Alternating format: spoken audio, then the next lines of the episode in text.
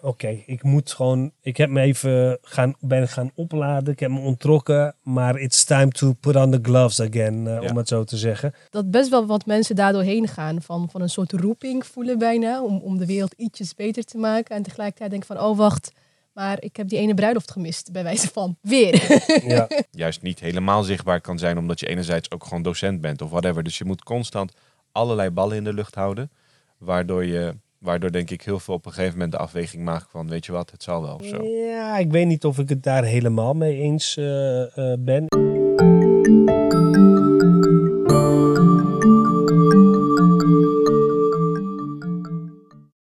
Welkom eh, beste luisteraars, kijkers of whatever. Welkom bij de podcast Super Moslims. Mijn naam is Kauthar. Naast mij zit Halil. En onze gast van vandaag is... Jamil. Oh ja, oh, ik, Doe- moest het doe- zeggen. Tuurlijk mag jij het Oh ja, oké, ja, sorry man. Ik heb gewoon die intro verpest. Ja, ja. Maar ja, we gaan het niet opnieuw doen. Dit is Nu gewoon moeten we het meedoen. flow. Dit maar is wat het, het kan, is. het kan vanaf nu alleen maar beter Oké, worden, oké, toch? dat is waar. Dat That's, is ja. that's the Ja. deal. Oké, cool, cool. Jamil, heel tof dat je met ons bent vandaag. Ja. Wat was voor jou de reden om mee te doen? Eh, ja, als Halil vraagt, dan zeg ik gewoon ja, heel simpel gezegd. Nee, maar buiten dat om, eh, support your locals. Ik vind het alleen maar tof dat er eh, vanuit eh, de islamitische gemeenschap er een generatie aan het opstaan is die op een andere manier eh, ook probeert hun eigen narratief te vertellen. Ik bedoel, we hebben bijvoorbeeld, of vanuit de verschillende colored communities, je hebt Dipsaus bijvoorbeeld, maar je hebt ook Baas of eh Fufu en Dadels. En toen zag ik ineens dat Supermoslims was geboren. Ik dacht van, oké, dope. Ja, er zijn allerlei podcasts die nu als paddenstoelen de grond uitkomen. Ja, precies. Moet Alleen, zeggen ook. dat vroeg me wel Ja. af. Waarom supermoslims? Ja, ik denk dat het Staat vooral, op de website. en dat het vooral ons eigen ego was. We voelen ons heel erg. eh, Nou ja, nee, nee misschien. Nee, nee, waar- nee. waarom ik het idee moest- erachter was, was vooral eh, misschien als antwoord op je vraag. ehm, kijk, eh, ik denk dat er heel veel negativiteit, negatieve associatie is met het woord moslim of met moslim zijn. Ja, En ik denk dat de meeste eh, personen, je zou kunnen zeggen in het publieke debat, als ze zich positief associëren met iets, dan is het meer dat men weet dat ze moslim zijn, maar ze zijn niet echt aan publiek moslim op dat moment. Dan zijn ze gewoon een inspirerende docent of whatever. En wij hadden zoiets van, denk ik, met het idee van, nou, we willen mensen juist met hun kracht in beeld zetten, maar dan wel bewust van, nou, dit zijn allemaal supermoslims in de maatschappij. Alle op hun eigen manier, in alle kleuren, soorten, maten, eh, maar, is, maar ook, ook, ook in, in interpretatie misschien. Maar het gaat er dus gewoon om deze mensen die associëren zichzelf als moslim. En ze zijn allemaal super op hun eigen manier. Ja, En wat we dus wel echt willen voorkomen is niet dat je zeg maar krijgt de good moslim en de bad moslim. Heeft Ja. haakjes. Met Want- het idee van we hebben een paar van die succesvolle verhalen. Heel Ja. tof. Ik bedoel, maar tegelijkertijd denk ik ook van er zijn superveel mensen die heel erg struggelen en op hun eigen manier al verschil maken. Maar is dit dan meer bedoeld, laten we zeggen, eigenlijk voor de, meer voor de, eh, voor de islamic community om mensen vanuit hun positiviteit hun identiteit te benadrukken? Of is het eigenlijk voor de bredere samenleving? Nou, het is, het is voor beide kanten. Dus Ja. enerzijds is het voor de bredere samenleving om kennis te maken met, eh, je zou kunnen zeggen, gewoon doodnormale moslims die iedere dag Mhm. hun ding doen. En anderzijds is het ook voor de moslimcommunity zelf om gewoon te zien wat voor allerlei toffe mensen er Ja. zijn en wat voor toffe dingen ze doen. Begrijp me abs- absoluut niet verkeerd. Hè. Ik ben sowieso gek op superhelden. Ik ben Ja, zo ja, ja. DC United, eh, Marvel, noem ze allemaal Dragon Ball maar op. Z. Dragon Ball Z, helemaal eh, gek van. Maar ik ken jullie ook op een andere manier. En ik weet ook dat jullie eigenlijk ook heel vaak niet houden om in een hokje gestopt te worden. Klopt. En nu ben je vanuit het hokje toch er bezig. Dus ik van, hé, hey, Ja. waarom dan die keus? Ja. Maar nu snap ik hem. Dope, Nou, nice. Anders, ingericht inderdaad Ja. dan eh, het hokje waar we normaliter doorheen eh, Oké, We dachten, we bouwen lekker ons eigen hokje. Ja, Top dat je met ons daarin wil zitten, Jamil. Welkom in Ik ons hou van dat schuitje. Gezellig. Ja. Ja, maar kun je misschien even in het kort, want zo beginnen we een beetje met iedere, iedere Ja. podcast. Is, nou, je kent het concept een beetje. Het is vanuit een superhelden concept. Mhm. Welke ehm, superheld associeer jij jezelf mee? Of wat vind jij dat jouw kracht is? Als je het Oeh. hebt over ja, wat jij misschien toevoegt aan deze maatschappij. Misschien toevoegt. Misschien hè, ik zeg niet dat het zo is. Ik denk dat sowieso dat ik een het eh, talent. Ik denk dat sowieso een hele goede talent van me is dat ik heel goed complimenten kan geven als er iemand heerlijk voor mij gekookt heeft. Laten we daarmee eh, beginnen. Eh, nee, ja, jeetje, wat is mijn toegevoegde waarde voor de samenleving? Ik denk dat je dat moet vragen aan de mensen die mij kennen en die met mij eh, werken, eerlijk gezegd. Want eh, dat merk ik ook. Wat ik soms heel tof vind of wat ik als toegevoegde waarde vind, eh, wordt ook als heel irritant ervaren door de Ja. ander. Dus ik kan beter die vraag aan jullie stellen. Ja, wat wordt dan irritant ervaren? Waar ben je heel irritant in? Ehm, ik denk mijn kritische houding. Ehm, ik schuw het niet om kritiek eh, te geven. Ik kies wel mijn podium uit waar ik die kritiek geef. Maar ik beweeg niet zo goed eigenlijk mee met de status quo. Eh, dat geldt soms binnen de Nederlandse context, binnen de Nederlandse samenleving, maar ook net zo goed binnen de islamitische gemeenschappen. Want daar heb je ook weer structuren binnen. Ehm, en hoewel ik wel me goed met iedereen persoonlijk ben, eh, ben ik toch een lastige. Hmm. Ik denk de luis in de pels. Jamie, als we hem even heel concreet maken. Want Ja. nou ja, wij kennen jou beiden, dus we weten ook wel een beetje waar je het nu over hebt. Ja. Maar laten we ervan uitgaan, iemand kent jou totaal niet. Kun je heel even kort schetsen van wat je doet? Wat ik doe in het dagelijks leven, ja jeetje. Ehm, even, even mijn achtergrond. Ik heb ooit sociaal crossculturele psychologie eh, gestudeerd in Groningen, mijn master behaald. En daarna ben ik al heel snel destijds in de verschillende eh vogelaarwijken beland. eh, allerlei projecten gedaan op participatie, sociale cohesie. eh, proberen de wereld te verbeteren. En na een bepaalde verloop van tijd merkte ik dat ik er goed in was en dat ik er passie voor had. Ehm, en toen besloot ik voor mezelf te gaan. Want ja, er zijn twee dingen die mij kenmerken, denk ik. En dat is ongeduld en niet met autoriteit om kunnen gaan. dus ben ik maar sociaal ondernemer geworden. En in het dagelijks leven ben ik eh, samen met eh, mijn zakenpartner en sister from another Mr. Dion Abdul Haviskan eh, bezig met Easy Solutions. Dat is een sociaal innovatiebureau. En daar houden we ons bezig met raciale en sociale gelijkwaardigheid. En dat is in een brede zin des woords. Dus we doen enerzijds veel op gebied van diversiteit en inclusie. Maar heel veel ook op thema's als anti-zwart racisme, anti-moslimracisme, um, onderwijsparticipatie of onderwijsdiscriminatie. Even vanuit welk perspectief je het bekijkt. Ook de arbeidsmarkt. eh Control All Delete is een platform voor ons tegen etnisch profileren. Heel veel lijkt het. Het is ook heel veel. Maar er zit wel altijd een rode draad in. En dat is gewoon gelijkwaardigheid en rechtvaardigheid. Heel simpel gezegd. En met name voor de people of color en eh, voor de people met een kleine portemonnee. En, en het klinkt inderdaad als een handvol. Mm. What keeps you going? Wat is het ding waar, waarvan, wat, wat, je, wat maakt dat je gewoon elke ochtend opstaat en dit allemaal doet? Eh, ja, dat is een goede vraag. Ik zit ook wel in een periode van eh, zelfreflectie, moet ik zeggen. Ik heb jarenlang keihard gerend zonder echt na te denken van waar die energie vandaan komt. Ehm, ik denk tweeledig. Enerzijds zit het een onderdeel van je familiegeschiedenis. Ik ben zelf Arabisch-Turks. Eh, daar zit al een geschiedenis van soms gedwongen assimilatie of om onderdrukking of ongelijkheid eh, in het land, uit het land van herkomst. Ehm, opvoeding. Ehm, ehm, je opa en je ouders die deze kant op zijn gekomen destijds en die jarenlang keihard hebben gewerkt. Maar in mijn opvoeding heb ik ook heel erg bewust meegekregen, zoals Malcolm X, eh Muhammad Ali, eh Che Guevara, Nelson Mandela, Yilmaz Güney. Even, dat is meer vanuit de, Turkse perspectief dan. Ehm, dat allemaal met je eigen karakter, die vormen je met je eigen ervaringen. En ehm, ja, op een gegeven moment heb ik voor mezelf besloten dat ik eh, impact wilde maken. Verandering in de wereld ten bate van een betere wereld. En om te voorkomen dat hetgeen wat mijn opa en mijn ouders, maar ook wij hadden meegemaakt, dat ook de generaties daarna dat moesten doen. En ja, het is, het is heel vaak niet eens denken. Het is gewoon, je weet dat je met een bepaalde missie op aarde bent gezet. En dat is in dienst van de mensheid. Ehm, alleen ik zit er nu wat bewuster in. Je moet wel ook goed voor jezelf zorgen. Daar ben ik vooral achter gekomen. Omdat En lukt dat ook? Voor jezelf eh, zorgen? steeds beter, heel eerlijk eh, gezegd. Ja, steeds beter. Heel lang niet. Eh, dus mijn gezondheid ging eronder lijden. Maar ook bijvoorbeeld mijn privérelaties. Eh, eh, nou, je maakt elke keer een afweging van als een beroep op je wordt gedaan. Je gaat als een gek erop af of je pakt dingen op. En dan denk je even terug, ja, wat heb ik eigenlijk aan leuke dingen gedaan? Of mooie momenten gehad met mijn ouders, of misschien wel met mijn zussen, of met vrienden, eh, of met mezelf überhaupt. Of eh, wat heb ik aan mijn spiritualiteit of aan mijn geloof kunnen doen? Nou, ik merkte gewoon eh, op heel veel vlakken dat, ja, dat ik daarop ging inleveren. En daar maak ik nu wel andere keuzes in. Mhm. Dus eh, ik weet niet of het is opgevallen, maar ik heb de afgelopen periode ben ik ook echt wel, heb ik een stap teruggezet. Ben minder zichtbaar, minder hoorbaar, ook in die publieke debatten. Zeg vaker nee tegen dingen en eh, dat bevalt wel goed. Ja. Dat bevalt jou goed, maar bevalt dat de gemeenschap ook goed? Zijn er mensen die hem missen of die zeggen van... hé, hey, waar is Jamil in dit debat? Eh, hij is onzichtbaar. Ja, ik Of heb je eigenlijk zoiets van... oh, niemand mist me eigenlijk. Dus al die tijd had ik net zo goed. Eh, nee, ik- wat ik, wat ik wel tof vind is dat je merkt dat als jij weggaat, dat, dat die plek al snel wordt opgevuld eh, door andere personen of dat andere mensen opstaan. Dus dat is wel mooi om te zien. Ik heb nooit de arrogantie gehad dat ik eh, dacht dat ik onmisbaar was of zo.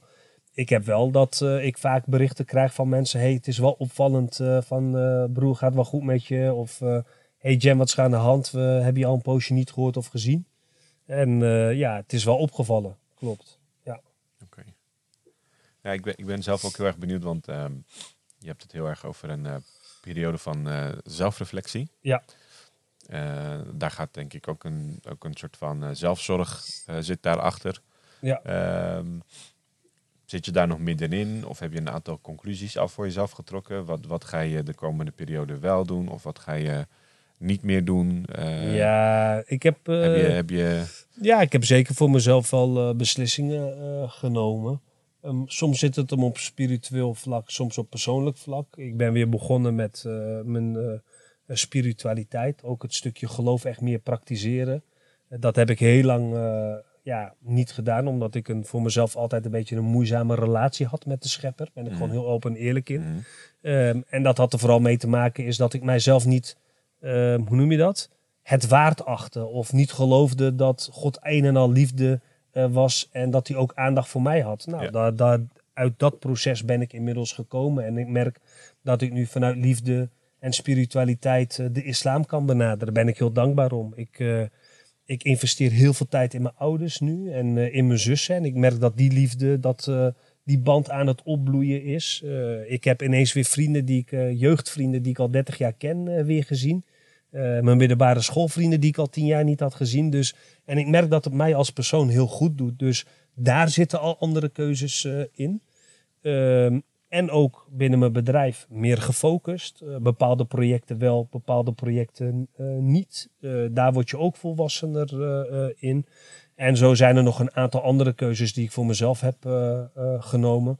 Maar waar ik nu helaas Daar nog niks over later mag. vast eh, nog wel eh, daar hoor je later nog wel wat over. Cliffhanger. Dun, dun, dun. Hey Jamil, kijk, Ja. ehm, dat, proces van enerzijds aan de samenleving willen geven en anderzijds ook de rust willen pakken en, en Ja. daarin zoekende zijn. Ehm, ik denk dat dat een herkenbaar proces is. Als ik naar mezelf kijk, ik kijk ook Halil even aan.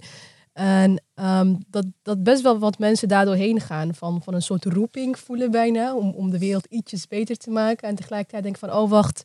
Maar ik heb die ene bruiloft gemist. Bij wijze van, weer. Ja. Hoe, eh, nou ja, goed, jij zit nu zelf midden in dat proces. Stel je zou iemand kunnen adviseren die, die, die, die net nu twintig is of zo. Die Ja. de wondere wereld van het sociaal activisme begint te betreden. Nog dat vuurtje heel sterk voelt. ja. Wat zou jij tegen zo iemand zeggen? Ehm, self-care. Ehm, wat ik heb gemerkt is dat eh, eh, een aantal dingen. A, ehm, neem ook de tijd om te ruimte, eh, de ruimte om te ontdekken eh, wie je bent, wat je wilt, eh, maar waar je naartoe wil gaan. En ook wat je kracht is. Dat is heel belangrijk. En dat je dan vooral vanuit je kracht en je passie bezig blijft. En dat je daar jezelf ook de ruimte geeft om, in te vallen, eh, om te vallen en op te staan. Maar zorg wel dat je een soort van veilige omgeving voor jezelf creëert met een aantal gelijkgestemden. eh, bij wie, op wie je altijd een beroep kon doen. Want eh, ik heb de afgelopen jaren wel gezien dat de weerstand niet alleen maar vanuit de bredere samenleving eh, komt. Soms zijn dat instituties. soms zijn dat eh, ehm, een, bepaalde manier waarop je in de media wordt afgeschilderd. Kan ook nog. Weerstand Dat- tegen wat? Ehm, tegen, tegen het feit dat je bezig bent met maatschappelijke verandering, met, eh, met, met civil rights of met eh, human rights, eh, om het zo te zeggen. Dus actie, reactie, het roept ook ergens een bepaalde weerstand op. Maar ik merk ook dat als je daarmee bezig gaat, dat het ook voldoende losmaakt binnen de eigen gemeenschappen, of in ieder geval de gemeenschappen waar jij het voor doet. En nou, dat kan af en toe lastig zijn. En ik denk dat hoe jonger je bent, hoe minder bewust je daarvan eh, bent. Dus vandaar dat ik zeg, het is goed om een groepje van gelijkgestemden, of in ieder geval niet eens gelijkgestemden, maar bij wie je wel die veiligheid hebt dat je ook af en toe op kan terugvallen en die jou ook scherp houden En die een spiegel kunnen houden. En bij wie je af en toe kan uithuilen, heel simpel gezegd. Want eh, het is niet altijd even makkelijk. En is het ook niet, want dat, tenminste zo heb ik dat stukje heel erg ervaren. Want, ehm, want je hebt het over self-care enerzijds. Dat is dan heel erg zeg maar je eigen bewustzijn. Eh, in mijn geval waren het ook vaak, je zou kunnen zeggen, oudere broers of mannen die dan eh, je stimuleren van wat goed dat je dit allemaal doet. Uh, naar mijn idee ook allerlei dingen vragen ze je steeds voor. Ja. Ehm, dat is naar mijn idee ook een generatie geweest die daar dus geen rekening mee hield. Die dus altijd zoiets had van nee, eh, eerst, eerst de dawa en dan bij wijze van komt de rest wel. Terwijl ik dacht van nou eigenlijk hadden, als ik zelf reflecteer, op bepaalde momenten van mijn leven, hadden die mensen in mijn omgeving op dat moment kunnen zien dat eigenlijk op dat moment niet goed ging met mij. ja. Eh, maar dan, dan hebben ze zoiets van nou ik heb toch liever dat hij dit even voor ons doet, dan dat hij zegt weet je, ga maar even zitten. wat, ja, ik zie jou later wel op een ander moment. Ja, wat dat betreft mis ik heel erg de volwassenheid en de selfcare vanuit eh, de community zelf. In die zin is, als je talenten hebt, dan moet je die koesteren. En dan moet je die stimuleren. Ja. En eh, eh, zo goed mogelijk voeden en helpen om tot volledige wasdom te komen. Ja. Om het ook zo lang mogelijk uit te houden. Maar dat merk je dat dat onvoldoende wordt gedaan. Of Ja. dat wordt enkel gedaan zolang je ook binnen dat straatje past. Of ook hun zaak dient. Totdat je daartegen in opstand komt. Of je hebt een andere mening. Of je hebt een andere visie over bepaalde dingen. Ehm, ik bekijk het zo. We hebben 1 miljoen moslims. eh, heel simpel gezegd. Eh, stel dat alle eh, miljoen moslims, nou de helft ervan, per maand 1 euro zouden afstaan. Dan heb je per maand een budget van 500.000 euro. Daarmee kun je opleidingscentra inrichten, eh, waarbij je echt mensen opleidt, eh, waarbij je ze ook begeleidt.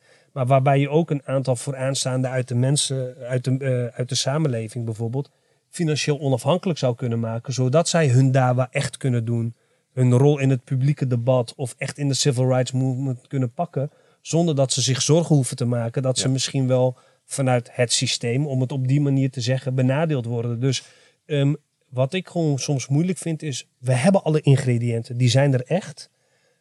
Maar je merkt nog steeds dat daar onvoldoende mee wordt eh, eh, gedaan. En eh, wat dat betreft eh, eh, eh, kijk ik soms meer naar de Amerikaanse civil rights movements als inspiratie. Ehm, waarom is ik zeg inspiratie? Ik vind dat het af en toe te veel wordt gekopieerd of geprobeerd wordt te kopiëren Terwijl naar de context Nederland. heel verschillend is. Terwijl de context verschillend is, geschiedenis is verschillend. Maar soms kun je bepaalde elementen beter goed stelen dan slecht bedenken. Zeg ik beter goed gestolen dan slecht bedacht. Ja. Ik vind het punt van financiële middelen wel echt ook heel erg interessant. En ook eh, organisatievermogen. Ja. Want inderdaad, enerzijds de behoefte wordt gevoeld, de noodzaak zelfs. Er wordt van alle kanten druk eh, uitgeoefend. Zowel media als samenleving als instituties. Ja. Ik ken echt een aantal hele talentvolle, eh, waren al abis voor mij toen ik opgroeide, of ooms zelfs, maar ook van de jongere generatie daarna, die zijn opgekomen en die zijn gewoon als een soort van kaars uitgegaan en die vervolgens nergens meer aan de bak kwamen en zo. En nooit aan hen is verteld, ehm, bedenk goed wat dit, met, wat dit voor je kan betekenen. Of, jongens, is het wel slim dat je op dit moment het podium pakt? En als je het pakt, ehm, op welke voor manier? Nee, niet. Eh, gooi die persoon maar in het diepe en eh, met een klein zwembandje. En eh, we zien wel of je een kopje ondergaat, ja of de nee. Maar is dat niet het probleem? Want dat, dat constateer ik dus ook. Ik zie naar Ja. mijn idee sowieso op een gegeven moment de usual suspects. Als het gaat over het maatschappelijk debat, moslims of whatever. Mhm. Als, ik hem, als ik hem of haar niet persoonlijk ken, dan weet ik zeker dat hè, bij wijze van ik hem via jou ken of via Kautar ken. Of, hè, dat is een hele kleine cirkel zou je kunnen zeggen. En je ziet binnen dat cirkeltje, zie je naar mijn idee, nou, bij wijze van de luisteraars zien dat niet, maar ik doe even met mijn vinger omhoog en omlaag. Ja. Ze pieken altijd op een gegeven moment en dan zie je dezelfde mensen altijd ook weer altijd terugtrekken, omdat ze op een gegeven moment tegen een aantal dingen aanlopen. En ik denk ook wel waard om te benoemen. Ik denk het grootste waar ze tegenaan lopen is niet zozeer de weerstand vanuit de maatschappij. Want die calculeer je eigenlijk een beetje in. Die verwacht je ook. Maar met name de weerstand vanuit de gemeenschap zelf. Op het moment dat je ehm, misschien een, een geluid uit die net niet helemaal past binnen bepaalde lijnen. Of dat je misschien eh, te zichtbaar wordt. Of dat je juist niet helemaal zichtbaar kan zijn. Omdat je enerzijds ook gewoon docent bent of whatever. Dus je moet constant allerlei ballen in de lucht houden. Waardoor je, waardoor denk ik heel veel op een gegeven moment de afweging maakt van, weet je wat, het zal wel. Wat- Ik ga me gewoon weer focussen op, op, op, op wat ik thuis belangrijk vind of zo. Ja, ik weet niet of ik het daar helemaal mee eens eh, eh, ben. Ik denk dat. eh, ehm, kijk, ik denk dat de weerstand vanuit de samenleving altijd uh, groter is. Want uiteindelijk gaat het het, het veranderen van instituties en van onrecht. Ehm, ik denk dat wij nog niet eens maar uh, een druppel hebben gevoeld van wat er los kan komen op het moment dat je echt onrust veroorzaakt of als mogelijk gevaar wordt gezien. Kijk bijvoorbeeld, ik ken heel goed de Afro-Nederlandse emancipatiebeweging. Een aantal vooroplopers waar ik veel bewondering voor heb. Die hebben het wel ervaren. Waarom? Want ze kwamen in dit geval aan een traditie. Dat was Sinterklaas. Maar als je ziet, hoewel zowel vanuit de samenleving op hen wordt gereageerd. Op wat voor een heftige manier. Blokkades op de snelweg. Uh, massale aanvallen tijdens uh, demonstraties. Eh, een gebouw bijna in de fik gezet waar ze aan het, vreedzaam aan het bijeenkomen waren. Ministers die aan het relativeren zijn, hun handen ervan aftrekken. politie die op ze insloeg. Daar is zoveel. ze zijn door het NCTV als, hoe heet dat? extremistisch bestempeld. Kijk, dan ben je met social change bezig. With all due respect voor de islamitische gemeenschap Zover maar, zijn wij nog niet. Uh, zover zijn wij niet. Uh, wij zijn vooral bezig met, uh, even vanuit de wijgedachte, um, we zijn vooral bezig van hoe kunnen we geaccepteerd en genormaliseerd worden in plaats van dat we daadwerkelijk de belangen behartigen zoals ja. het vanuit mijn optiek echt zou moeten zijn. Weet je wat ik, wat, wat ik daar ook best wel heftig aan vind, vooral rondom ja. Sinterklaas, ja. is, is dat ik soms ook een beetje zoekende ben naar waar zijn de moslims? ja. Op de demo's en online en dergelijke. En ik schrok een keer heel erg zelfs toen ik op een gegeven moment ergens las van... Oh ja, maar wij moslims vieren Sinterklaas niet. Oh ja, die, ik, uh... ik, sloeg me echt voor het gezicht. Ik dacht, waar gaat dit over? Want als het gaat om proberen er voor elkaar te zijn en opstaan tegen onrecht, ja. dan is dit een hele concrete casus. En dan dan wordt er ook handen afgetrokken. Dat ik denk van, maar zo werkt het toch niet? Ja. Dat, dat vind ik ingewikkeld. Ik denk ja, van enerzijds... Sterker nog, er was laatst een uh, bijeenkomst van NIDA in Rotterdam. Dat ging over de herinnering van uh, dus het eren van Malcolm X. Ja, by any means, by any means, uh, means necessary. necessary en, um, en het interessante vond ik, maar het waren natuurlijk heel veel moslims in de, in de zaal ook. en ook heel veel niet-moslims, maar in ieder geval waren heel veel moslims. En het ging dus enerzijds over Malcolm X. Maar was dus ook een stukje, uh, daar was onder andere Jerry Afri en uh, Elvin Richters. Heet ja, Elvin Richters, ja. Dat ging dus heel erg over anti-zwart racisme, over anti-zwarte Piet. En daar zag ik gewoon bij heel veel, en ook achteraf hoorde ik dat via via van een aantal, dat een aantal moslims, met name de oudere generatie, zoiets van ja, het ging op een gegeven moment alleen maar over Zwarte Piet. En dan heb ik zoiets van, terwijl ik nog in mijn stuk nog heel heel duidelijk had benadrukt van je kunt niet enerzijds fan zijn van Malcolm X en zeker als moslim hem op een voetstuk plaatsen en gebruiken. Terwijl hij zich eigenlijk 99% van zijn leven vooral heeft ingezet voor anti-zwart racisme. En helemaal niet eigenlijk bij wijze van islamitische geleerde was. En dan vervolgens nu doen als het om zo'n thema gaat te zeggen van ja, dit vinden wij niet interessant. Terwijl juist een van de, maar... je zou kunnen zeggen, meest nobele jihad is juist het inzetten tegen onrecht of inzetten voor gelijkwaardigheid. Ja, ik, ik snap wel wat je bedoelt, maar with all due respect, Halil, ik bedoel, um, uh, het, uh, uh, waarom was men zo'n fan van uh, Muhammad Ali uh, bijvoorbeeld? hij was zoals wat nu een beetje Gabib heeft, Nurmagomedov van, van MMA. Ehm, een, een posterboy, een, weet je, hij spreekt tot de verbeelding, een universele held, et cetera.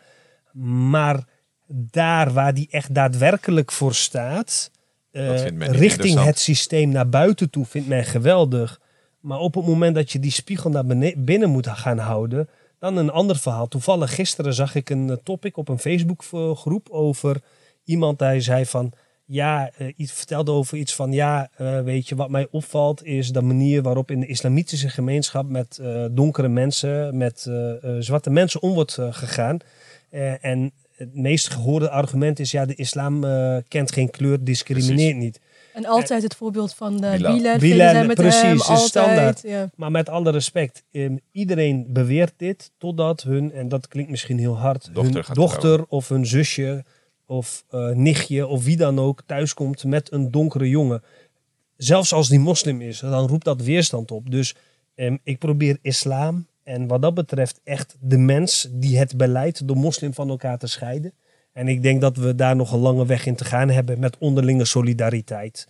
En dat is niet alleen maar richting bijvoorbeeld de Afro-Nederlandse gemeenschappen. Maar er zijn ook andere emancipatiebewegingen met wie je uh, echt die samenwerking aan kan gaan. Ik vind dat bijvoorbeeld maar- maar nu Bernie dat? Sanders, eh Feel the Burn, die doet dat heel goed. Want die heeft eigenlijk ehm, kleur en religie overstegen.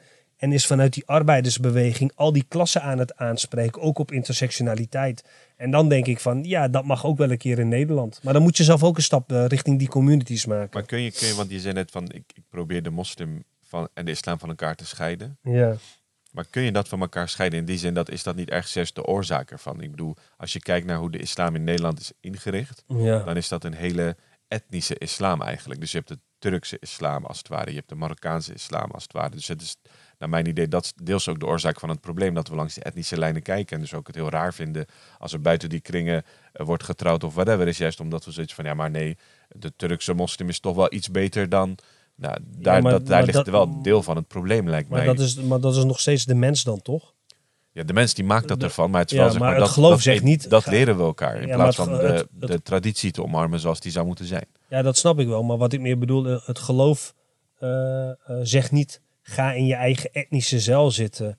Eh, het geloof werd juist richting de Arabieren gebracht om juist het stammencultuur, die stammenstrijd te doorbreken. Ja.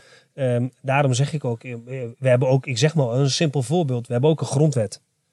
Maar we zien heel veel mensen dat die niet naar de grondwet leven, zelfs politici. Betekent dat dan dat de grondwet niet klopt?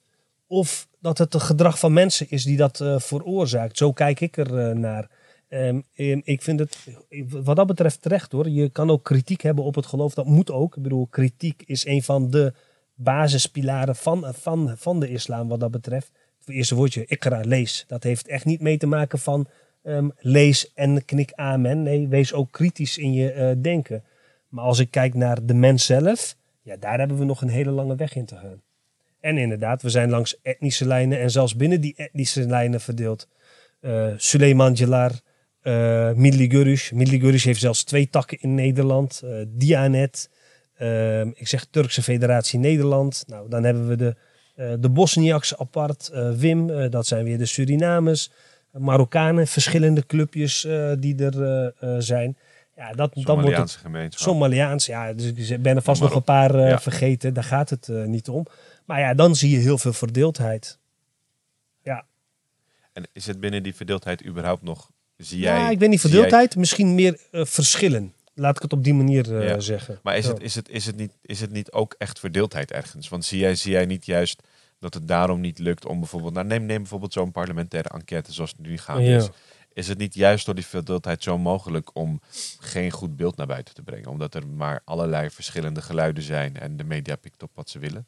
Ehm, ik denk dat het grootste probleem is dat, eh, dat men te lang bezig is geweest met vertegenwoordiger willen zijn. Eh, dat is met zoveel diversiteit bijna niet mogelijk. Tenzij je gewoon een hele heldere visie, een aantal eikpunten hebt waar je met z'n allen eens over bent. Maar vertegenwoordigend willen zijn met zoveel diversiteit is bijna onmogelijk. Want uiteindelijk ben je 90% van je tijd vooral kwijt aan het managen van belangen, eh, ego's, eh, visies, om iedereen in het gareel te houden of gezamenlijke lijn. En 10% gaat maar eigenlijk, eh, wordt naar buiten toe gericht waar je mee bezig zou moeten zijn. Ik denk dat dat de grootste fout is die tot nu toe wordt gemaakt. Ik pleit veel meer voor wat wij bijvoorbeeld als Control Alt Delete hebben gedaan. Is neem gewoon een onderwerp en ga met een klein groepje dedicated people dat onrecht bestrijden. Voor ons was dat etnisch profileren en politiegeweld. Niet meer, niet minder. Wij willen niet vertegenwoordiger zijn, maar vanuit de inhoud dat we echt impact maken. 90% van de tijd zit hem in het eh, eh, beïnvloeding van media, eh, wet en regelgeving, beleid, het systeem bevechten, de community helpen, educaten op, op het thema zelf. Dat werkt goed, want we zijn daardoor ook geen gevaar voor bestaande ins- instituties binnen de eigen gemeenschap. Maar die weten wel dat hey, als er een probleem op dit onderwerp is, dan kunnen wij een beroep op hen doen. En als zij een keer een verzoek doen, dan vertrouwen we erop dat we dat gewoon kunnen steunen. En ik denk dat dat de beweging is die vanuit de islamitische gemeenschap veel meer gemaakt zou moeten worden. Nou, bijvoorbeeld eh, Meld Islamofobie doet dat op hun eh, eigen manier, een klein voorbeeldje. En dat mag voor mij ook op andere thema's veel meer gebeuren. Kijk elkaar even aan. Oh, Ja. We zijn even Praat ik te veel? We laten het even bezinken. Laat het even bezinken. Oh. Nee, nee, ik zit nog even te denken over dat punt over eh, vertegenwoordiging. Want enerzijds denk ik dat het ook wel weer te maken heeft met de manier waarop de samenleving ook is ingericht. En ook vooral vanuit de politiek en de overheid. Ja. Van, hey, wat, wat vindt de moslim? Laten we met de moslimgemeenschappen praten. Want we willen beleid maken, we willen eh, X of Y doen. En we willen weten wat de moslims daarvan vinden. ja. Dus ook de manier waarop moslims, denk ik, op een bepaalde manier zijn benaderd, heeft bijna, denk ik, ook ertoe geleid dat op die manier is georganiseerd. Terwijl als je kijkt naar de manier waarop mensen onderling zich organiseren rondom een moskee, of niet eens rondom een moskee, je kan daar een keer bidden of een andere keer bid je gewoon daar. ja. Dus in dat opzicht zit het er niet per se in, dat, dat iedereen bij elkaar hoort of eh, elkaar vertegenwoordigt. Ja. Maar het, het wordt wel gevraagd. Dus Ja. dat werkt ook die kant op. misschien wel, maar ja, de vraag is, ja, moet je per se altijd bij elkaar zijn? Het is wel gezellig. vind ik ook niet per se. Weet je, ehm, dit is ook de, de, de kracht misschien wel en de schoonheid dat er zoveel verschillen zijn. Ehm, en ik denk dat zeker, kijk, dat de overheid op een gegeven moment een keer zegt tegen je van, hé hey jongens, eh, we zien dat er een gemeenschap is bestaande uit ongeveer 1 miljoen mensen. En er zijn gewoon bepaalde onderwerpen waar wij op gevoed moeten worden en wij ons toe moeten verhouden. Maar hoe moeten we dat doen en met wie? Want het is geen religie dat in de traditie een Precies, niet in de is verzuiling. Het past in- niet in het de was niet in de traditionele verzuiling. Ook Ja, al dat ja. ze wel eeuwenlang het grootste moslimland ter wereld waren natuurlijk. Met Indonesië als eh, voormalige kolonie. Ehm, dat de vraag komt is logisch. Maar dan is het nog steeds aan de gemeenschap zelf. Of de mensen uit die gemeenschap zelf. Het antwoord dat je geeft. De manier waarop je dat eh, geeft. En ik denk dat je daar zeker gelijk in hebt. Is dat eh, de gemeenschap ook, of in zoverre je daarvan kan spreken, ook mee heeft gewerkt aan hun eigen positie vandaag de dag. Ehm, ik, eh, vorige week moest ik een debat leiden over dit onderwerp. Dat, die parlementaire enquête was bij Mili Gurish. En er waren heel veel verschillende vertegenwoordigers vanuit de gemeenschap, maar ook vanuit de overheid. En op een gegeven moment zei ik tegen, eh, eh, of eh, in een van gesprekken, ik heb tegen Jacob van der Blom bijvoorbeeld gezegd van ja, zo zit je dan. Jarenlang altijd samengewerkt met de overheid. En nu zit je daar in je verdomhoekje. Nou, lekker. Hoe reflecteer je daarop terug bij wijze van? Of een andere koepelorganisatie. Altijd beleefd geweest. Met alles zo goed mogelijk proberen mee te werken. Nou, dan zit je dan in de parlementaire enquête en de manier waarop je ondervraagd wordt. En dat er überhaupt een parlementaire enquête komt gericht op één gemeenschap. Ja, ik denk, ik hoop echt dat hetgeen wat de afgelopen periode is gebeurd, als een spiegel heeft gewerkt en dat er lering uit wordt getrokken. Maar Alleen- ervaar je dat zo? Want ik hoor juist, ik heb juist het idee, en, dat, en voor mij is deze parlementaire enquête meer dan ooit een hele zichtbare kloof tussen generaties ook. Eh, want ik, ik hoor juist van een oudere generatie binnen de moslimgemeenschap heel erg van, het is zo ver gekomen doordat er een andere generatie is die dan eh, zichzelf eh, niet zeg maar constructief opstelde. En, en we hebben niks te verbergen, dus we moeten vooral meewerken. Dus dit is allemaal gewoon bij wijze van prima.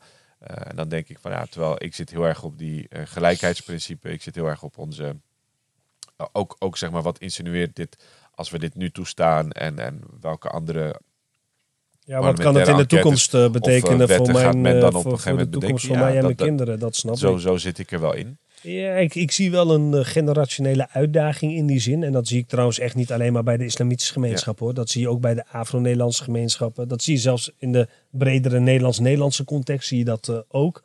Ehm, ehm, de, de, de, de vraag is, hoe ga je die verschil in inzichten overbruggen? Want uiteindelijk moet je het wel met elkaar doen.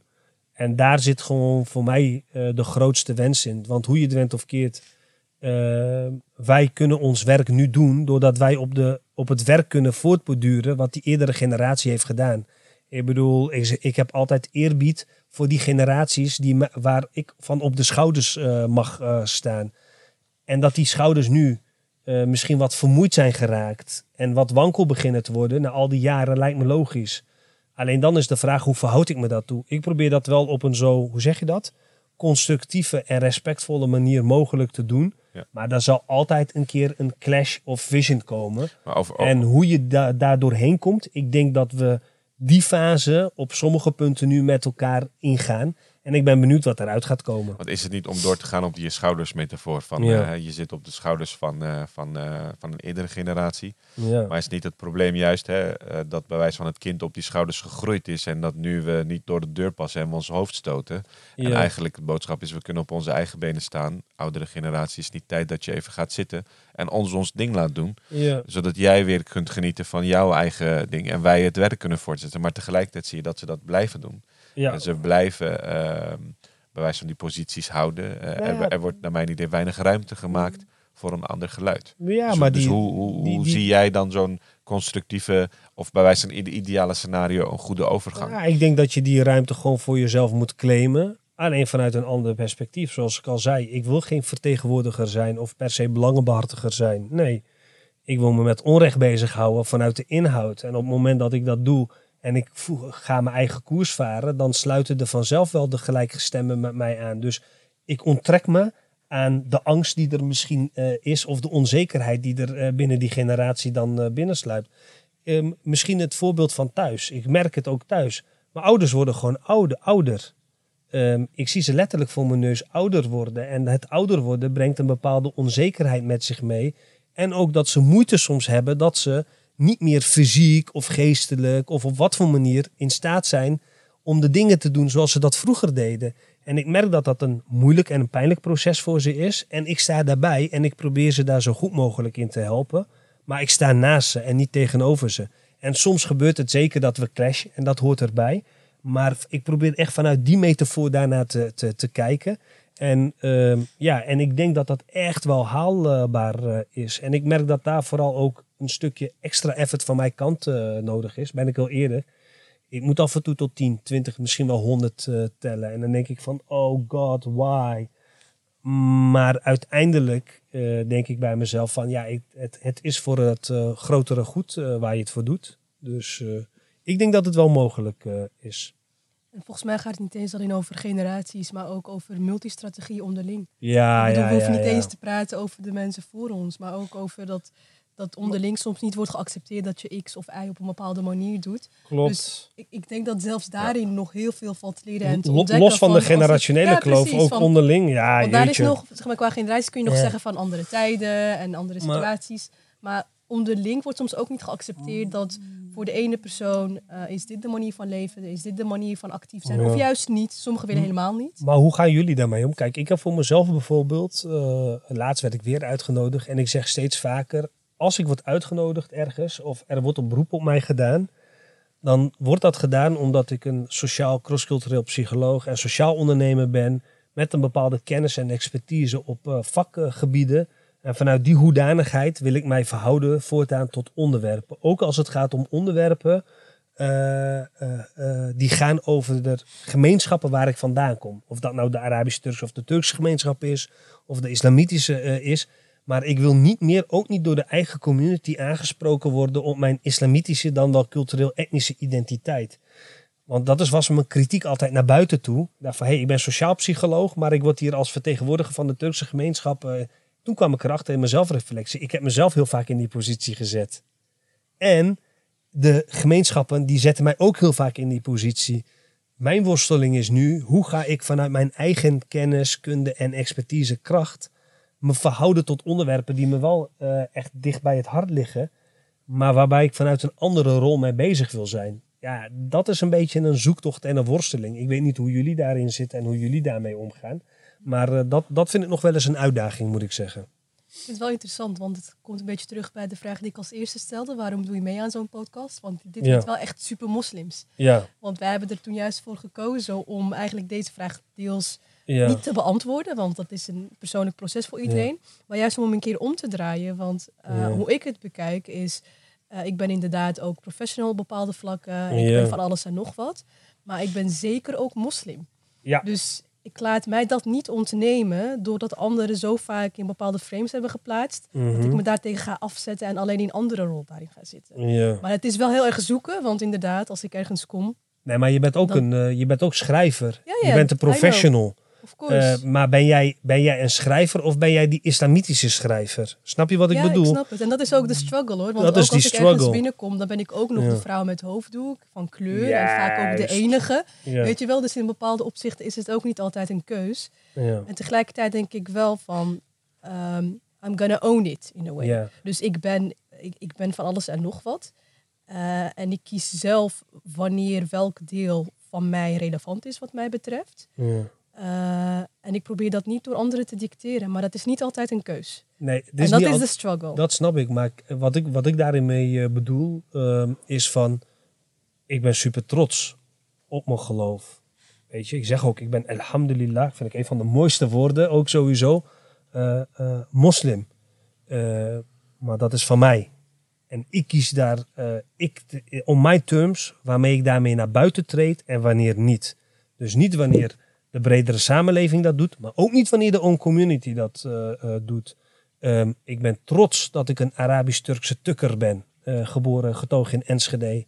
Maar waarvan de roots van mijn ouders in Adana liggen. En van mijn opa's en oma's in, aan de westkust van Syrië.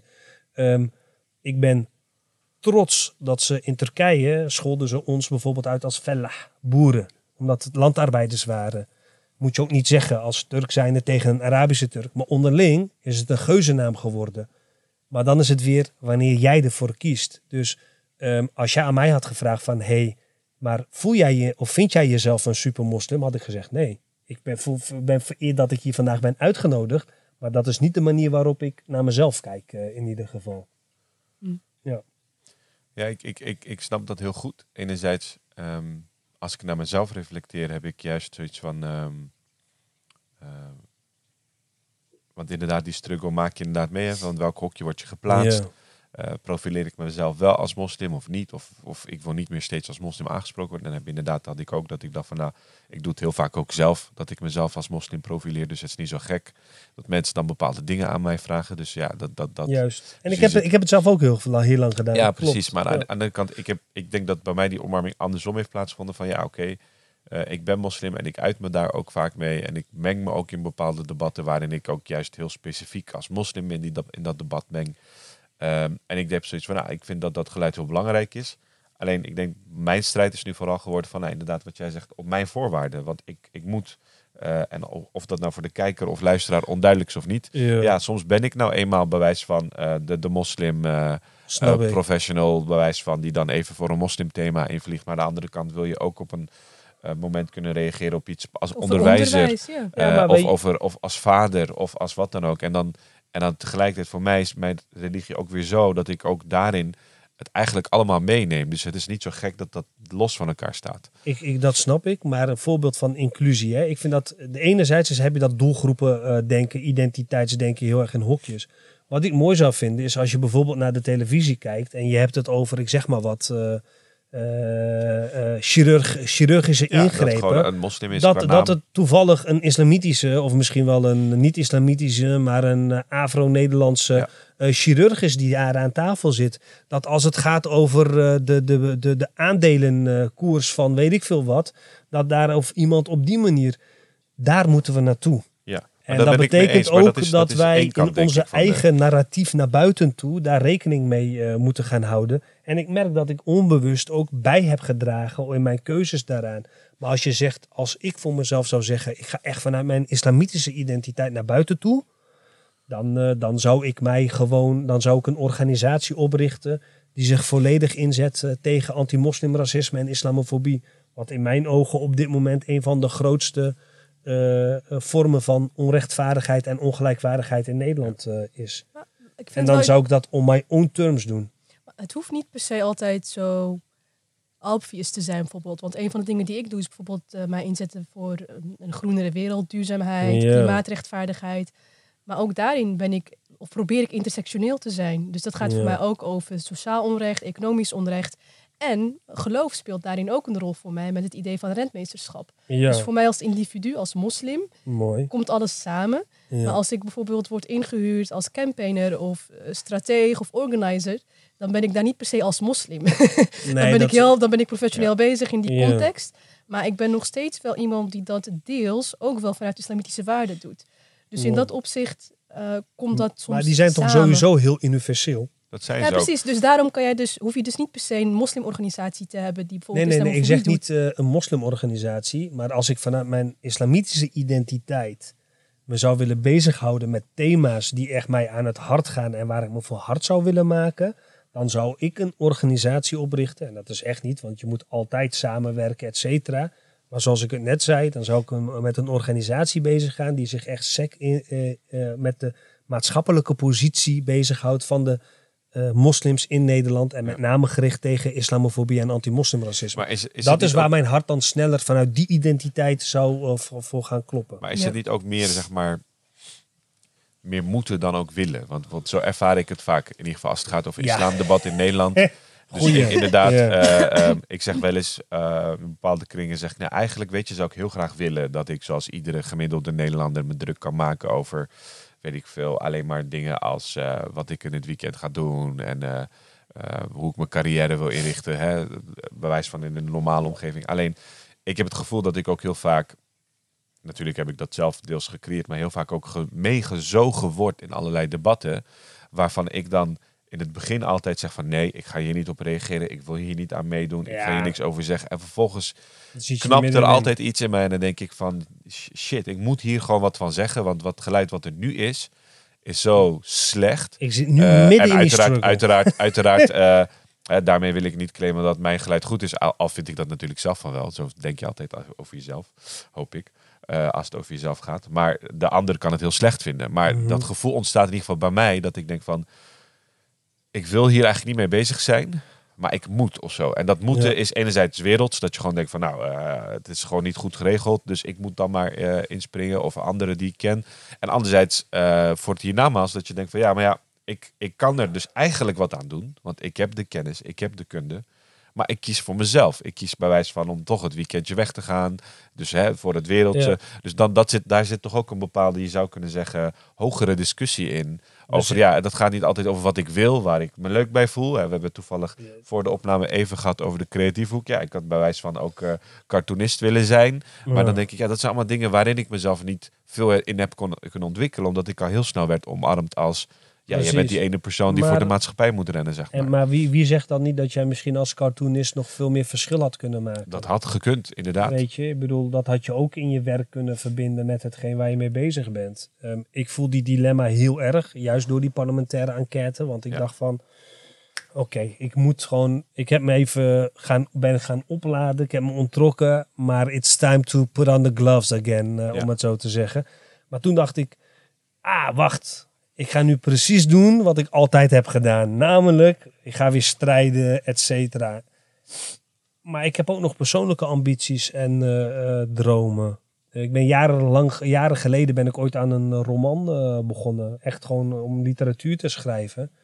Heel lang heeft het in de ijskast gestaan. En ik heb het laatste weer eens bijgepakt. En dacht van wow, ik had het alsof ik het gisteren had geschreven.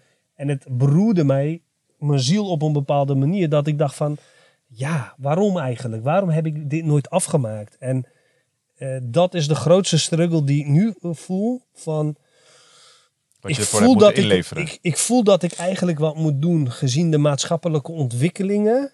En tegelijkertijd merk ik wat echt goed voor mij is, wat mijn echte wil is, op een heel ander vlak liggen. En ik ben heel eerlijk, ik weet niet wat er uit die keuze gaat eh, komen. Ja. En dat is gewoon een zoektocht. En, maar wat ik mezelf echt gun, is eh, om dat boek af te maken bij Ja. wijze van. Of eh, wat ik ook nog een droom is ooit eh, dokter te worden. Of echt mijn PhD te halen, mijn proefschrift. Ja, dat zijn gewoon dingen die echt, waar ik gelukkig van word. En die mij blij maken. Maar is het niet tegelijkertijd, want, want jij, jij hebt het nu over deze keuzes, hè? heel herkenbaar. Ja. Ik, ik zit zelf daar ook wel een beetje middenin. Ik Kijk even naar, naar mijn rechterkant. Ik volgens mij ook wel een beetje. Ik hoor dat ook veel in mijn omgeving nu.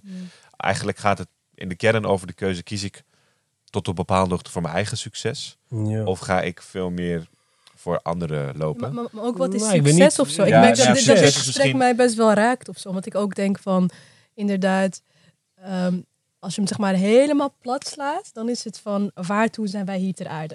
Juist. Klinkt Ja. meteen heel dramatisch. Ja, maar Nee, nee, zo voel ik van- hem echt. van- Want ik hoor van, jou inderdaad Wat is praten. mijn missie inderdaad? Precies, wil ik wil ik zeg maar de academia in, wil ik een boek schrijven, wil ik iets moois achterlaten bij wijze van. wil ik cartoonist worden? En ik merk ook heel erg dat, ik, ik had het net ook even voor het opnemen met uh, jou over, Jamil. Gewoon, ik besefte ineens van vorig jaar om deze tijd, zat ik echt diep in de demonstraties en de staking. Uh, in maart waren die en die komen er weer aan. En uh, dit jaar heb ik daar wat minder voor kunnen doen. En het heeft me heel erg aan het denken gezet van inderdaad van in hoeverre is het een keuze? Hoeveel doe ik voor X? Hoeveel doe ik voor Y?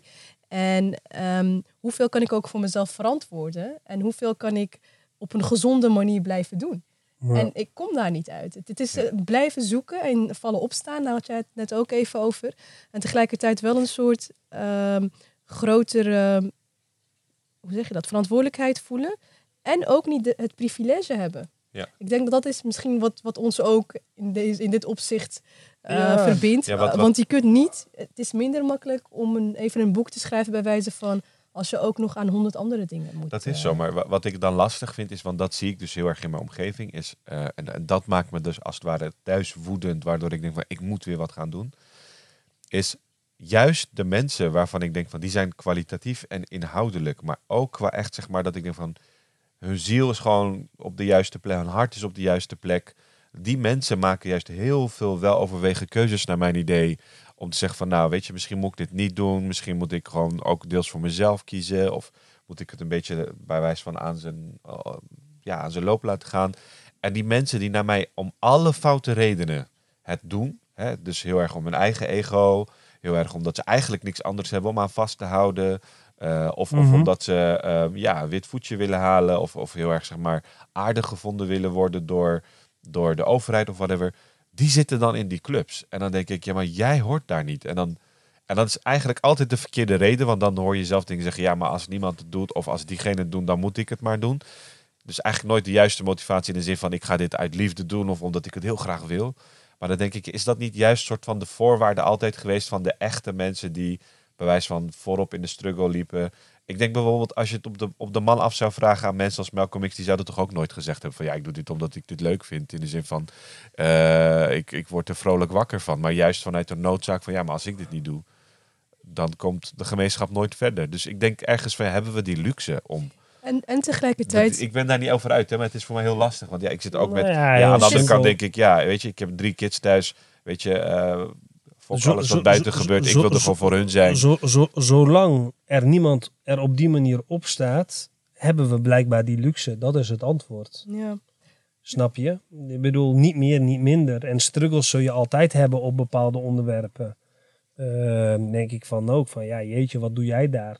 Ja, joh, het is heel makkelijk om te zeggen, weet jeetje, wat doe jij daar? Maar heb ik dan ook zin om daar te gaan staan om dan mijn verhaal te vertellen? Ik merk steeds minder.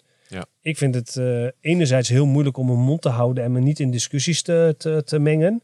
En als ik dan, ik, ik kijk ook geen tv meer, ik luister bijna geen radio meer. Ik zit bijna niet meer op eh, social media te Luister lezen en te reageren. podcast?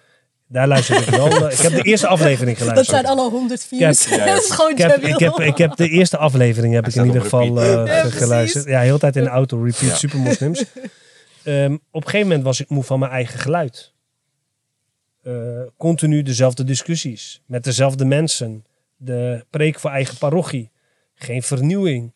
Eh, dezelfde onderwerpen die continu terugkomen vanuit een andere insteek, een ander jasje. En toen ging ik het lezen en toen merkte ik op een gegeven moment, ik heb geen zin meer om hierop te reageren. Ah, maar ik vind diens mening wel echt heel slecht. Eh, schrijf dan. Ik dacht van nee, ga ik ook niet doen. Dus ja, het is op een gegeven moment ook het overwinnen van een soort van, hoe zeg je dat? Eh, eh, primaire insectieve reacties Ja. die je op bepaalde Ja, dat onderwerpen herken ik hebt. wel. Want vaak heb ik wel twee dagen Ja. later, als ik toch de keuze heb gehad- gemaakt om niet te reageren, dat ik twee dagen later ook wel denk van, oh ja, gelukkig heb ik dat niet gedaan. Zo, ja. En af en toe ga ik nog het door is de... vooral die, het is vooral die primitieve reactie dat je denkt van, eh oh, dit is slecht. Maar voor, voor- vooral eigenlijk het vervolg. Want je weet dat de vervolg Ja. zou dan eigenlijk moeten zijn constructief bijdragen, je ervoor inzetten. Dan denk je, maar daar heb ik Ja. eigenlijk helemaal geen zin in. En dan denk je aan de ene kant, ja, Ja, ik, Ja. Maar, maar hoe Ik- gaan jullie om? ja. Wat, wat, wat ik zelf dus nog, waar ik nog zoekende in ben, en dat blijft denk ik nog wel even, is van enerzijds ehm, die afweging proberen te maken. Maar dit, dit gaat vooral over reactief zijn of niet. Maar meer fundamenteel van welke rol pak je. Dat ik denk van enerzijds, het is misschien wel een soort keuze, maar tegelijkertijd denk ik ook heel erg, het is ook wel een verantwoordelijkheid zeker. om als mens op aarde in ieder geval Ja. ietsjes beter achter te laten. En wat, wat ik soms ook moeilijk vind, dat is dat ik denk van het is ergens ook een soort, even tussen haakjes, een voorrecht, bij wijze van, om ehm, aan het eind van je, van je leven te kunnen zeggen van oké, ik heb een paar dingen kunnen proberen doen of zo. Ja, zeker. Ja, En, en- hoe, hoe, hoe maak je die afweging op het moment supreme als je ook gewoon Maar- moe Ja, bent? maar ik- zeg maar. Maar weet je wat het ik is? moet vooral ook zeggen, Eh, eh, de- de- één ding misschien dat, Ja. dat wat. Kijk, ik, ik snap ergens dat we dus eh, hè, die keuzes, maar één ding moet ik er nog aan toevoegen is. Ik, ik vind het daarom ook steeds lastiger om hem zeg maar voor mezelf te maken. Is omdat ik me ook heel erg van bewust ben dat sommige keuzes die ik maak een verschil kunnen maken voor een volgende generatie. En dan kijk ik dus heel erg naar mijn kinderen. En dan denk ik van ja, weet je, oké, ehm, straks zit ik misschien in een positie 20 jaar later Ja. waarvan ik eh, met mijn kids erover heb. En dat ik eigenlijk weet, in, bij wijze van specifiek in dat debat, had ik een verschil kunnen maken. Maar Ja. toen heb ik ervoor gekozen om dat niet te doen. En dat zou ik een lastig gesprek vinden. Maar dat snap ik. Maar ik zou dan als voorbeeld eh, bijvoorbeeld eh, geven. Ik zeg maar wat. eh, jij schrijft boeken, bijvoorbeeld. Jij maakt prachtige artistieke ontwerpen, tekeningen. Ik zou zeggen van, wat als jij die passie verder gaat ontwikkelen? Misschien word jij wel de beste cartoonstekenaar, kritisch. en bereik je daarmee wel elke dag miljoenen Nederlanders straks. doordat jij spotprenten in een krant hebt of je eigen strip hebt getekend. Of misschien wel wereldwijd. Of misschien word jij wel een van de beste nieuwe generatie literatuurschrijvers die mensen weten beroeren met hun eh, verhalen. En waarin je nog steeds die strijd erin kan verweven. Snap je wat ik bedoel? Dus de manier waarop we de strijd eh, strijden. Dat er een strijd gestreden moet worden, oh, sorry. eh, dat snap ik. En dat voel je, iedereen voelt die verantwoordelijkheid. Maar de manier waarop, dat mag veel meer vanuit je eigen passie en je kracht en je talent. Dat is meer het punt wat ik wil, eh, wil maken. Jij zei al, ik was bezig met allerlei demonstraties, er ging al mijn energie in zitten. Prachtig. Maar nu met meer rust en meer focus op twee dingen die jou ook nog inspireren en kracht geven, kun je, maak je waarschijnlijk nog veel meer impact straks dan waar je de voorgaande jaren mee bezig was. Hetzelfde geldt voor mij en eh, hetzelfde Ja. geldt dan ook hopelijk voor jou. Dus vandaar dat ik veel meer zit in van hoe kan ik weer in mijn eigen kracht komen om door te gaan. Want rechtvaardigheid en gelijkwaardigheid zullen de rest van mijn leven mijn drijfveren zijn. De rode draden door mijn leven zijn. Alleen de manier waarop ik daar invulling aan geef, dat is aan mij.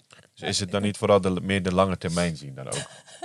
Of is dat niet? Nu doe je het weer. Oh, sorry. Tegen het einde de Ja. grote vraag Ja. stellen. Oké, ik dacht, we gaan hem mooi. klein maken. We ik gaan dacht, klein mooi, maken. Jabiel. Goeie laatste woorden. Ik zit naar de Ik tijd ga, te ik ga, kijken. zullen we hem klein maken dan? Ik ga hem It's klein up to you, maken. Doe je ding. Ik eis een laatste vraag. Ja, klopt. Dat was wel de deal, toch? Was wel de deal. Was wel ja, de deal. ja, Hadil, doe je de ding. nou, nou, eigenlijk geen laatste vraag, maar dan ga ik je vragen om een laatste statement. Misschien. Ehm, Oh, jij wil een statement maken en geen vraag nee, nee, nee, stellen. nee, nee. Oh. Jij gaat een statement maken. Want het idee van deze podcast is ook deels Ja. van, van wij, wij, wij hebben hem nooit ingestoken vanuit het idee van eh, we gaan voor kwantiteit in de zin van we willen de meeste luisteraars, als dat bereikt heel mooi. Jawel, dat willen we Eh, wel. maar eh, een dat, stiekem dat, is, hoop, dat, is, dat is meer een zo van, ja, dat, dat is mooi, daar, daar, dat willen we natuurlijk ook wel, Ja. maar dat is niet het doel. Het doel is dat we op termijn iets achterlaten, Ja. waar misschien ook volgende generaties naar kunnen luisteren en kijken van, oké, dat was toen een debat, dat waren toen de gesprekken. Ja. Ehm, Dit is stel, belangrijk, hè? dit is archief. Dit is Precies. geschiedenis wat je Dat hier is- aan het dat- schrijven bent het en aan het achterlaten bent. Prachtig. dus Nou, stel, dank dat jij meedoet. Ja. Waar, waarvan, de, waarvan, eh, waarvoor dank inderdaad. Stel, mijn kids luisteren dit over 10, 15 jaar. Ja. Wat is een boodschap die je aan een generatie eh, of aan een, hoe zie jij, laten we concreet maken, hoe zie jij Nederland over 15 jaar specifiek voor moslims in Nederland? Wat is je hoop? Ja, mijn hoop is wat. Ja, mijn, eh, ik bedoel, mijn hoop is eigenlijk eh, zoals voor ieder mens. Dat ieder mens in alle vrijheid eh, invulling kan geven aan diens leven. De manieren zoals die in dit geval diens religie zou willen beleiden in alle vrijheid en veiligheid. En dat je daarbij gewoon een gelijkwaardige positie hebt van alle andere Nederlanders. Niet bevoorrecht, maar ook niet benadeeld. Niet meer, niet minder. Dat is gewoon een hoop die ik een ieder gun. Of je nou moslim bent of niet moslim eh, bent. Het eigenlijk uiteindelijk heel simpel. Eh, ik bedoel, praat met een gemiddeld iemand op straat. Waar maken ze zich zorgen over? Kan ik mijn rekeningen aan het einde van de maand betalen? Heb ik een dak boven mijn hoofd? Kan ik mezelf en met name mijn kinderen eh, voeden en een goede toekomst bieden? Krijg mijn ouders de juiste zorg op hun latere leeftijd? We zijn allemaal gelijk wat dat betreft. Dat verschilt niet. En ik hoop echt dat dat besef gaat dalen. En dat er echt een soort van broederschap onderling gaat ontstaan. En dat mensen beseffen dat we gewoon veel meer gelijk met elkaar hebben dan eh, dat we van elkaar verschillen. Dat is gewoon altijd mijn ideële hoop voor deze wereld geweest. Of dat nou voor nu is, of over 10 of 20 of 30 of 40 jaar. Maar als je aan mij zou vragen, wat denk je? Ik denk dat sinds 2001 tot nu er alleen maar verder zijn afge, eh, eh, hoe zeg je dat, Eh, geleden. Ehm, ik denk dat die verrechtsing in Nederland verder zal oplopen de komende 10, 15 jaar. En dat de verschillen groter uitgemeten zullen worden. En ik verwacht dat er een meer kritischere generatie gaat opstaan. Soms heb je gewoon even wrijving en pijn nodig om weer tot de bloei te kunnen komen met z'n allen. En ik denk dat we daar nu pas echt een beetje ingaan met z'n allen. Ik denk dat dit pas een voorbode is. En dat is niet als doemscenario bedoeld, maar als meer een analyse op basis van wat ik de afgelopen nou, 20 jaar heb ervaren sinds 2001 eh, tot aan nu. Nou, genoeg om je kinderen op voor te bereiden, Halil. Zeker weten. Ja. Succes Zeker daarmee. weten. Ja, daarmee zijn we aan het einde gekomen van, ehm, van deze aflevering van Super Moslims. Ja, Eh Jimmy, heel hartstikke bedankt dat je, dat je hier bent in onze semi-eigen studio vandaag. ja. Dus, nou dat is, jullie eh, bedankt dat ik hier mag zijn. ja. Thanks. Heel fijn, en, dank je. eh, voor, de, voor degenen die vandaag hebben geluisterd, wat vandaag de dag dan ook voor jou mag zijn als je dit luistert. eh, luister zeker ook terug naar onze afgelopen twee afleveringen. Die zijn ook terug te vinden via de Super Moslims podcast op, eh, op eh, Apple Podcasts, op Spotify, Google Podcasts. Volgens mij op alle favoriete podcast apps waar je terug kunt vinden.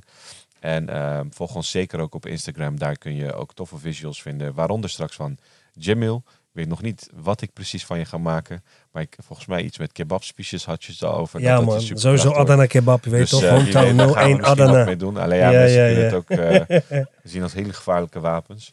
Ja, maar dat goed, eh, bedankt en eh, tot de volgende keer maar Oh, weer. En nog iets. Oh, nog iets. Check ook even wijblijfhier.nl. Zoek Tuurlijk. even op supermoslims, want daar lees je wat achtergrondverhalen. We interviewen namelijk ook mensen eh, offline, of tenminste, we interviewen mensen ook. en daar schrijven we artikelen over. Dus ehm, ga vooral even daar naartoe om te lezen over andere supermoslims. En ik denk dat we aan het bouwen zijn aan een heel mooi collectief. Dus eh, daar word ik zelf heel blij mee. Dus Heel volg ons vooral en hashtag ons en zo. En eh, let's do this. Bye bye. Doei. Assalamu alaikum. Moslims toch? Ja, zeker weten. Die zeggen assalamu alaikum. Ik zeg gewoon dag hoor tegen moslims. Dag. Doei. Doei. doei.